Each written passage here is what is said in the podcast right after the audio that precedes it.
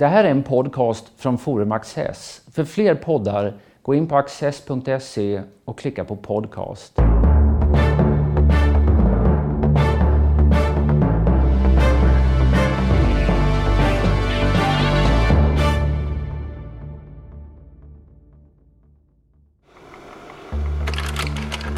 T.S. Eliot föddes i USA och växte upp i en miljö präglad av den unitariska kyrkan som förnekar treenighetsläran och Jesus gudomlighet. Tids nog blev han dock den mest brittiske av britter och en synnerligen aktiv medlem i den anglikanska kyrkan. Som poet kom han tidigt i kontakt med litterär modernism och fanns i utkanten av rörelser som Ezra Pounds imagism och Wyndham Lewis vorticism. Så småningom blev hans ideal mer traditionalistiska och klassicistiska. 1948 tilldelades han Nobelpriset i litteratur. Karl Rudbeck, doktor i litteraturvetenskap och kulturjournalist, samtalar med Peter Luttersson. Ja, Karl, vilket är T.S. Eliots nuvarande börsvärde på den litterära marknaden? Ja, det är helt klart att det har gått ner från det oerhörda höga värdet han hade för kanske ett kvartssekel sedan. Men det är intressant att du just använder bilden börsvärde för att man, Elliot var ju själv eh, sänkte ju själv stora höga börsvärden när han började eh, vara en kritisk röst i England. Då stod Shelley och romantikerna mycket högt. När han var klar med dem så låg mycket lågt. Och då han själv stod högt. Nu har han väl något sjunkit på börsen och jag gissar att de ha den här bilden med börsvärde, då skulle kanske Wallace Stevens stå högre eh, bland modernismens stora poeter. Kanske också någon som Elizabeth Bishop. Bland den anglosaxiska? Bland den anglosaxiska. Mm. Å andra sidan så är det väl så att eh, poesibörsen överhuvudtaget är ganska så illa ute. För att Eliot var ju något av a household name på sin tid. Folk kände till honom, folk läste honom, folk citerade honom. Och finns det någon poet som har liknande position idag? Vem, vilken poet citerar folk så att säga helt naturligt? Ja, det som finns helt naturligt är ju vissa citat i dödsannonser.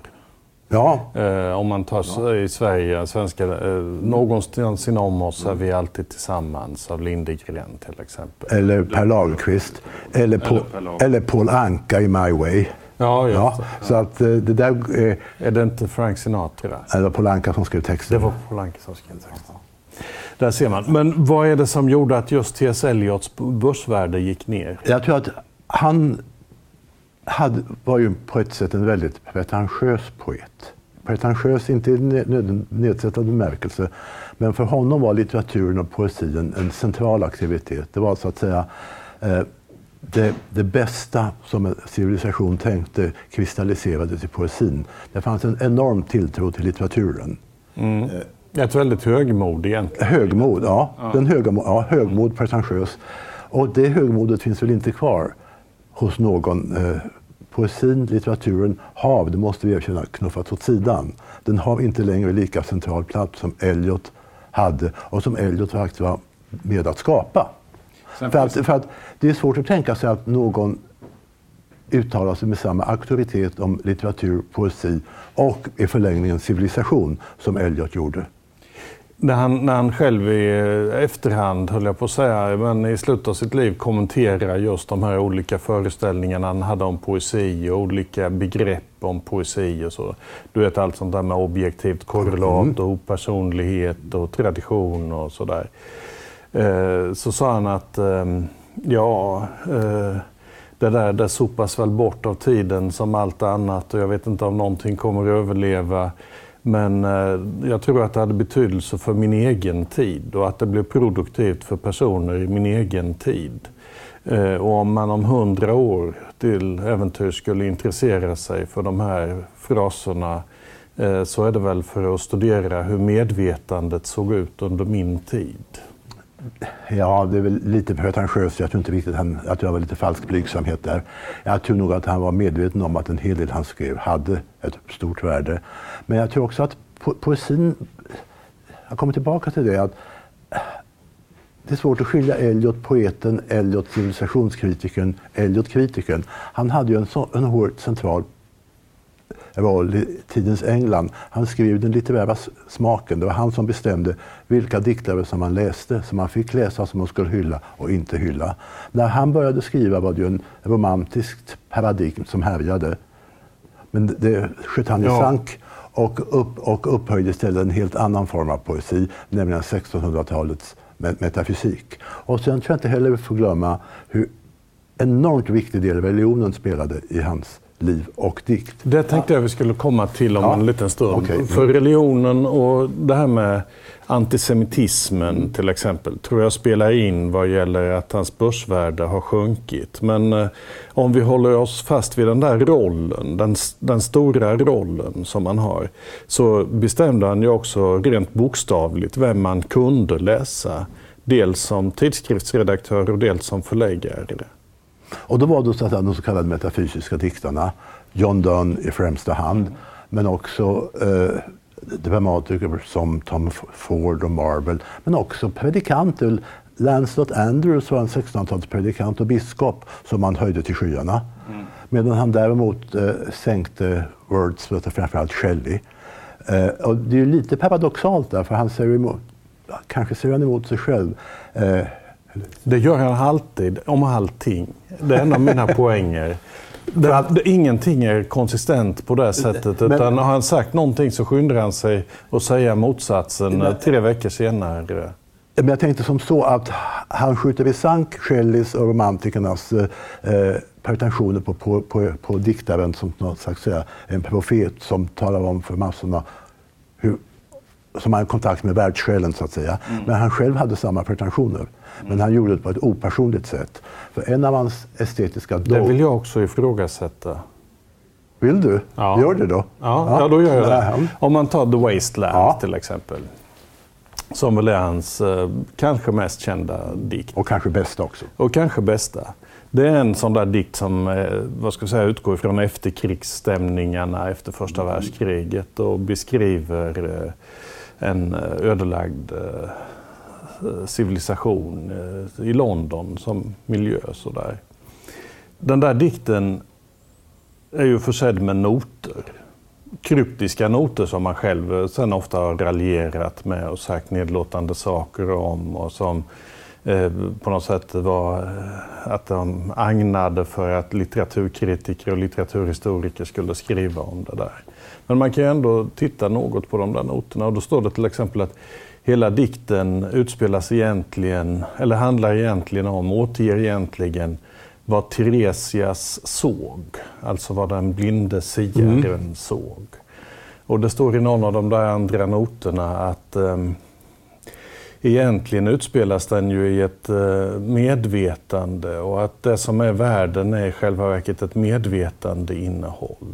Men Elliot, jag tror att man ska inte göra för mycket om de noterna. Elliot själv sa att han la till dem för att göra den korta dikten lite längre och alltså kunde ge ut den i bokform. Ja, det var en av hans ja, eh, flera olika ja. kommentarer ja. där han eh, men han, men, men alltså säger ju också att man kan inte ta bort dem, för de har kommit att tillhöra dikten. De har kommit att tillhöra dikten, som ju, det var ju T.S. eller Ezra Pound som whipped it into shape. Det var ju ett långt, mycket längre eh, diktverk som eh, Pound då skar ner och redigerade. Så att boken är tillägnad Ezra Pound, den mästersmeden. Jag minns att vid något annat samtal du och jag haft så, så eh, pratade vi just om det där Il Miglior Fabro. Mm. Och då har jag för mig att du beskrev det som att du trodde att det var ironiskt. Det, var, det, är, det är lite ironiskt, det är lite, vad heter det på ett backhanded comment för att det var samma sak som Dante sa om Cavalcanti. Mm. Och Dante visste mycket väl att han var en mycket bättre diktare mm. än Cavalcanti. Så att nog var det väl lite eh, självmedvetet och ironiskt. Lite, lite självmedvetet men också kanske lite på allvar. För att den där dikten blev ju bättre. Det har ju vem som helst kunnat mm. se i efterhand genom att eh, Pound gjorde sitt eh, kejsarsnitt av den. Det är helt uppenbart att Pound hjälpte Elliot på både poetiskt och gav honom kontakt i den litterära världen som gjorde livet lättare för honom. Det, jag tänkte på enskildheter. Sånt.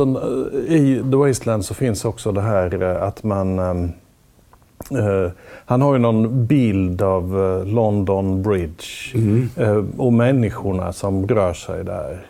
Och helt plötsligt när jag läste det där eh, idag på förmiddagen så mm, slog det mig att ja, men den där bilden känner jag ju igen. Det är ju samma bild exakt som i Ezra Pounds dikt ifrån metron i Paris. Eh, att det blir någon slags... Eh, Petal in the rain. Ja, just det. En massa som rör sig på Men eh, Elliot säger något, han har säkert lånat, eller rättare sagt, han inte gjort det. Elliot säger någonstans att Stjäl. dåliga poeter lånar, bra poeter stjäl. Och han mycket, och det, jag tycker den senaste kommenterade upplagan av Elliots dikter visar, inte så mycket hur han stjäl, men så att säga varje rad ekar av andra rader som han har lånat, hört och lyssnat på. Och det kanske viktigaste inflytandet eh, på han, den unga Eliot var den här franska poeten Gilles Laforgue som eh, for, formade Eliot och Eliot var i Paris. De möttes aldrig, Laforgue var mycket tidigare. Men det var ju de franska symbolisterna som på ett sätt är en utlöpare av romantiken som formade Eliot. Ja, han kommer ju mer ifrån den där hårda modernismen. eh, Så, symbolismen och sen det här poundska imagismen och även vorticismen och så. Då är vi fortfarande långt ifrån anglikanska kyrkan som vi så småningom ska komma till. Men, men, ja, men eh, de, de behöver inte vara motsatser. men han, han hänvisar Mm. till en del eh, andra saker. Han säger att när han var 14 år så började han skriva dikter och då var han inspirerad av Omar Khayyam, eh, ja, i Fitzgeralds översättning. Då. Det var när han som ung och sen så var, han var ju en ung student vid Harvard och då skrev han dikter och då var det bland annat Khayyam. Men då skrev han också väldigt mycket studentikosa, rasistiska, antisemitiska dikter som avslöjat honom som kanske inte riktigt rumsren på många sätt. Men jag vill också påpeka att eh, Eliot, vi har talat om, om diktaren, vi har talat om teologen, men han var också filosofiskt väldigt bildad. Hade han inte blivit diktare hade han nog blivit professor i filosofi. Och det märks ju i hans dikter, de är ju oerhört lärda. Fulla referenser och allusioner till eh, greker, romare, men också till indisk filosofi som betyder mycket för honom. Indisk filosofi, ja det dyker ju upp Ja. överallt, även i The Wasteland. Ja, shanti, shanti, ja. Och han studerade ju sanskrit. Mm. Men eh, rollen som förläggare skulle man möjligen kunna säga någonting om eh, först också. Han, eh, han, eh, han hade börjat med att arbeta på bank. på bank. Och sen, eh, vi måste också då komma in på hans äktenskap. Som ju var väldigt viktigt. Han slet ju som ett djur för att få det hela att gå ihop. Han jobbade då på bank, han var då omvärldsanalytiker skulle vi heta idag. Han, hans jobb var att sitta och läsa, eh, det här var just efter första världskriget. Hans arbete var att läsa en mängd utländska tidningar för att på något sätt eh, kunna ge banken råd om hur de europeiska ekonomierna fungerade. 1917 till 25 Ja. jobbade han på Ja. Lloyds Bank. Och sen, men, men äh, redan tidigt började han ju skriva i olika publikationer. Han gav ut en egen tidskrift som The Criterion och sen blev han bokförläggare. Men framförallt hade han det ju väldigt, väldigt knapert under många år. In, och han var i, i ett väldigt olyckligt äktenskap. Jag tror det olyckliga äktenskapet med Vivian, som ju hade dramatiserats på scen, eh, Till och med på film. På film. Eh, eh, Tom och Viv heter det Ja. där dramat. eh, Också film. eh, var, märks i hela hans poesi. Vivian, hon har, det är väl svårt att ta ställning till, till vad som egentligen hände, men hon var sjuk, hon hade väldiga mentala problem. Och jag tror det är Bertrand Russell som eh, beskriver henne som hon kommer antingen att bli brottsling eller helgon eller både och. Och hon blev väl inget era, men hon var en, en människa som Elliot var henne trogen hela livet. Även när hon hamnade på mentalsjukhus så bodde han hos bland annat John Hayward, kritikern. Och han gifte inte om sig förrän eh, Vivian hade dött. Och senare sa han någonting om att det finns bara två lyckliga perioder i mitt liv. Det var min barndom och mitt sena äktenskap med Valerie. Jo, det ger ju en, en inramning till, hans, eh, till hans liv också. Du nämnde, du nämnde det här med eh, Harvard. Eliot var född i St. Louis, han var amerikan, men som blev engelsman.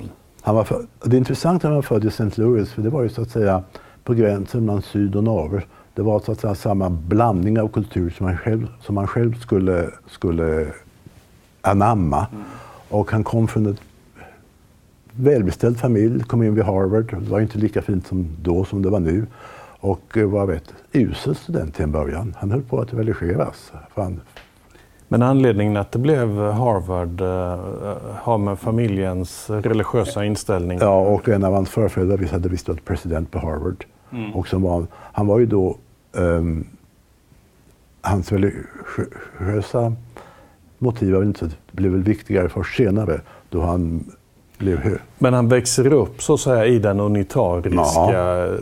religionen eller kyrkan som eh, utmärks av att man förnekar treenighetsläran och därmed är Jesus inte Gud utan eh, han är en ja, förebildlig människa. Men sen blev han ju anglika, högkyrklig anglikan, närmast katolik. 1927. Ja. När han också blev engelsk medborgare. Han, var, han, han hade ju dåligt samvete att han var i England under första världskriget. Och han sökte då att ta värvning, men de ville inte ha honom. Han hade olika fysiska krämpor som gjorde att han inte kunde känna som soldat. Mm. Sen finns det ju, han har ju, du säger att han var sån där som alla kunde citera. Det finns ju en massa sådana där yttranden som man eh, kommer ihåg. Han säger att han är eh, klassicist litterärt, han är royalist politiskt och han är anglokatolsk religiöst. Ja, men just det här tycker jag är viktigt och jag anknyter då till din första fråga om hans aktier på börsen. Det finns ju väldigt många citat. Let us go then you and I. That's the way the world ends. Not with a bang but with a whimper. Vilken poet idag skriver vilken poet citeras idag som vi sa, lite i dödsannonser, men det är kanske inte där man helst vill se poesi. Och sen också, han har ju en, väldigt bra öra. De här raderna stannar och dunkar i huvudet som en slagdänga. Och säg mig den poet som skriver idag som lyckas med det. Bob Dylan kanske? Vi ska lyssna nu bara mm. helt kort på början av The Hollow Man. The Hollow Men. We are the hollow men. We are the stuffed men, leaning together, headpiece filled with straw, alas. Our dried voices, when we whisper together, are quiet and meaningless as wind in dry grass or rat's feet over broken glass in our dry cellar.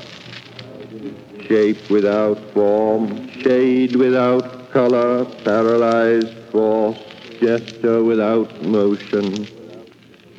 Those who have crossed with direct eyes to death's other kingdom remember us, if at all, not as lost, violent souls, but only as the hollow men, the stuffed men. Han har ett speciellt sätt att läsa. Man känner omedelbart igen hans röst. Man talar, om man ska ta det där med opersonligheten så kan man ju säga att det finns ju någonting personligt i detta. Att man tar inte fel på Elliot, varken på hans röst eller på hans ord. Eller på hans diktion. Men just den här känslan, han sa ju någonstans att till skillnad poesi i det romantiska paradigmet skulle då vara ett uttryck för känsla. Eliot menade att det var ett escape from emotion, det var en flykt från känsla. Det var det opersonliga som han betonade. Och han som poet var han ju, vill ville han i längsta lopp, så långt som möjligt, vara osynlig.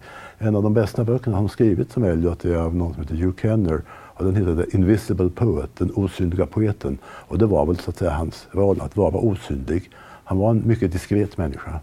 Men det där, det där det tycker jag har med någon konstig begreppsförvirring att göra. Det är klart att han var aldrig privat i sin eh, poesi eller så och ville inte vara. Det var inte så många som idag har skrivit en bok och berättar om sina egna jag och så. Eh, men däremot personligt, personlig betyder väl någonting helt annat. Ja, Hans poesi ja. är väl oerhört personlig. Hans jo. perspektiv är oerhört personligt. Ja, ja, men det är ju inte samma, riktigt samma sak.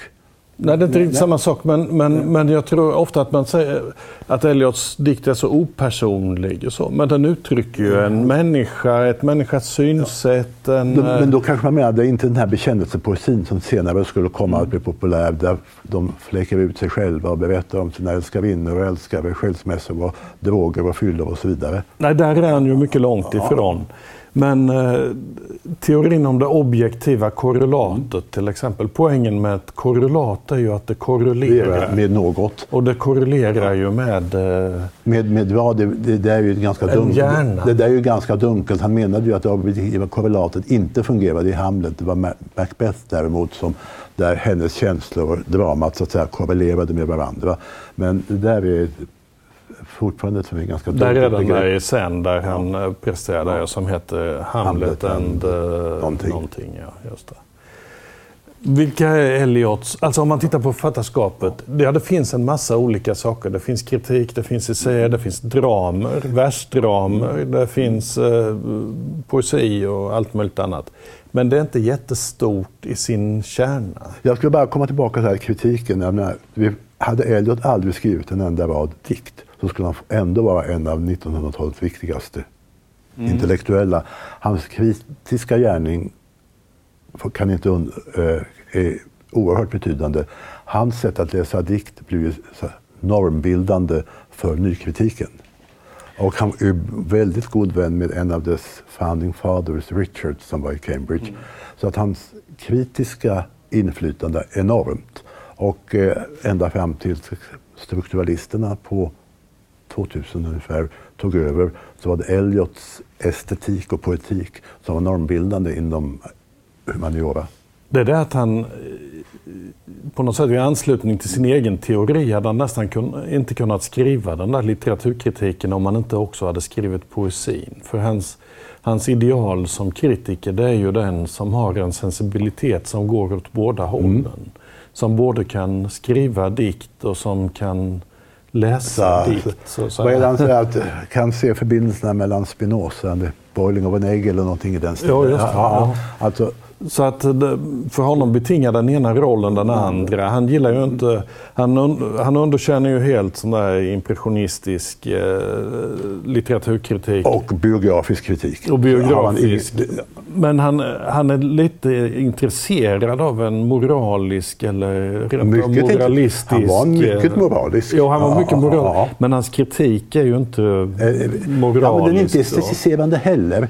Den tar poesin på allvar. Ja, den försöker förklara hur det är gjort och den försöker förklara vad det består av och göra det tillgängligt på det sättet. Den är förmedlande på ett sätt. Att, eh, eh, man ska begripa, man ska kunna uppskatta stor poesi eh, av rätt skäl. eller hur är det han säger? han säger också att man ska kunna upp, stor poesi kan uppskattas innan den begrips. Innan den förstås. Mm. Ja.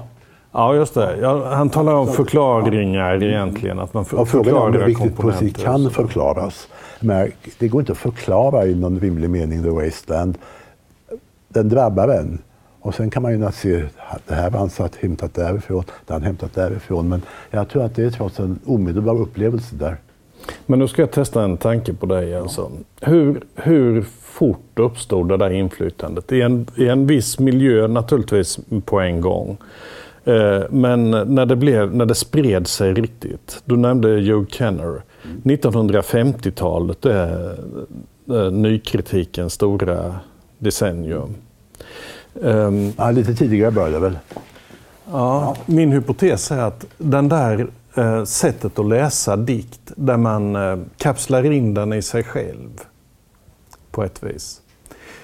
Att det hänger samman med att ganska många av de, av de här anglosaxiska eh, kritikerna, många författare som de beundrade, hade gjort eh, ideologiska misstag eh, under 30 och 40-talet. Och genom att skära av banden mellan dikt och Jaha, jag, jag, värld jag förstår vart du vill. att så, vill- ja, ja. så kan man liksom eh, bevara värdet hos Det estetiska, men det estetiska. Ja, Ezra ja. Pound är ju det bästa exemplet Ja. naturligtvis på Det finns gott, gott om dem. Det finns gott om Celine och till exempel. Och Wyndham Lewis. Wyndham Lewis. Men eh, jo, kanske. Det, li- det ligger väl något i vad du säger. Det ligger mycket i vad du säger. Men också, de, det var ju, om du ser de, de flesta av nykritikerna, Brooks och Wimsatt och liknande, de skrev väldigt mycket om engelskt 1600 1700-tal. Eh, Jeffrey Hartman, som väl får räknas dit, var ju Wordsworth-expert. Så jag tror att eh, det där kan ju underlätta det, men jag tror ändå inte att det är det avgörande. Mm. Men att det kan vara en komponent Komponent. eh, i... Å andra sidan, den- den- väldigt många av de stora litteratörerna har varit kräk. Så att det är inte bara i vår tid som de har varit obehagliga. Så är det ju inte och det skulle kunna bli ett mycket långt samtalsprogram om detta ämne. Men om man tar kärnan i Eliots eh, författarskap, som ändå, enligt mitt sätt att se i alla fall, är poesin. Så det som är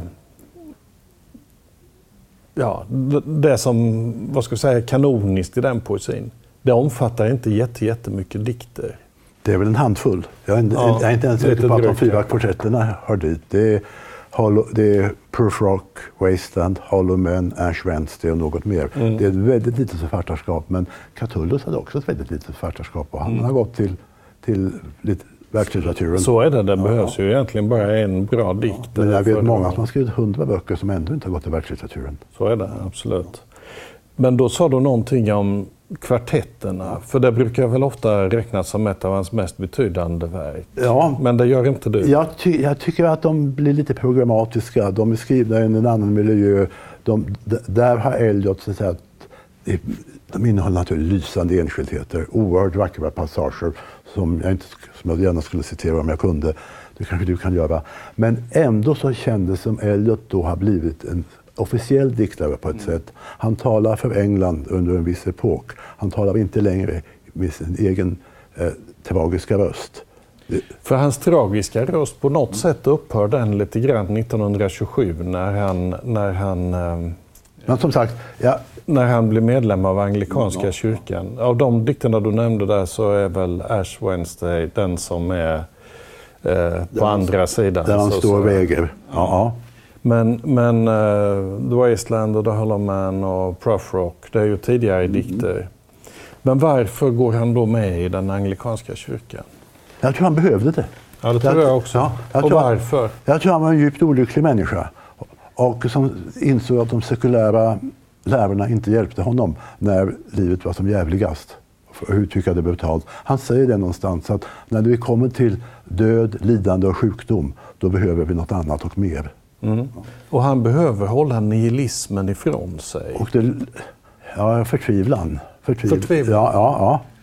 Och eh, det, lyckades han genom religionen som spelade en väldigt stor roll för honom. Och religionen kommer in i eh, det som vi inte har nämnt mer än i förbigående, i eh, dramatiken. Det mest kända dramat handlar om det här mordet i Canterbury på Thomas Becket. Thomas Becket, ja. Ja. ja. Um, där jag för övrigt uh, häromdagen blev klar över att den som gjorde den stora serien för BBC om civilisation, Kenneth Clark. Eh, det här slottet han köpte, Salt, Saltwall, hette det så? Saltwood? Jag minns inte. Eh, det var platsen ifrån vilket de här mördarna red iväg för att begå mordet på den som inte ville att kyrkan skulle underordna sig den vär- världsliga makten. Och som vågade speak truth to power. Just det. Ja. Och det var väl en roll som var beundransvärd och förebildig för Elliot på ett sätt. Även om han var en diskret Han, person. han var väldigt diskret och eh, hans, han var väl inte mycket politiskt aktiv på den. De brev som, som jag läst ge- ger vid handen att han inte sysslade särskilt mycket med dagspolitik. Jag tänker på det där när han refuserade Orwells eh, eh, 1984 därför att han inte tyckte att man skulle ge ut en bok som förolämpade en allierad ifrån kriget. Ah, men annars var han ju en väldigt skicklig förläggare som eh, eh, läste poesi. Han gav ut väldigt viktiga dikter men han tyckte också att förläggarverksamheten var självstödande. För han menade att eh, om, som förläggare måste han tänka på vad som säljer och det är inte alltid det bästa. Och det är väl en insikt som har bara blivit sannare med tiden. Jag inte han skulle... Dock inte bland förläggare. Tack så mycket. Tack.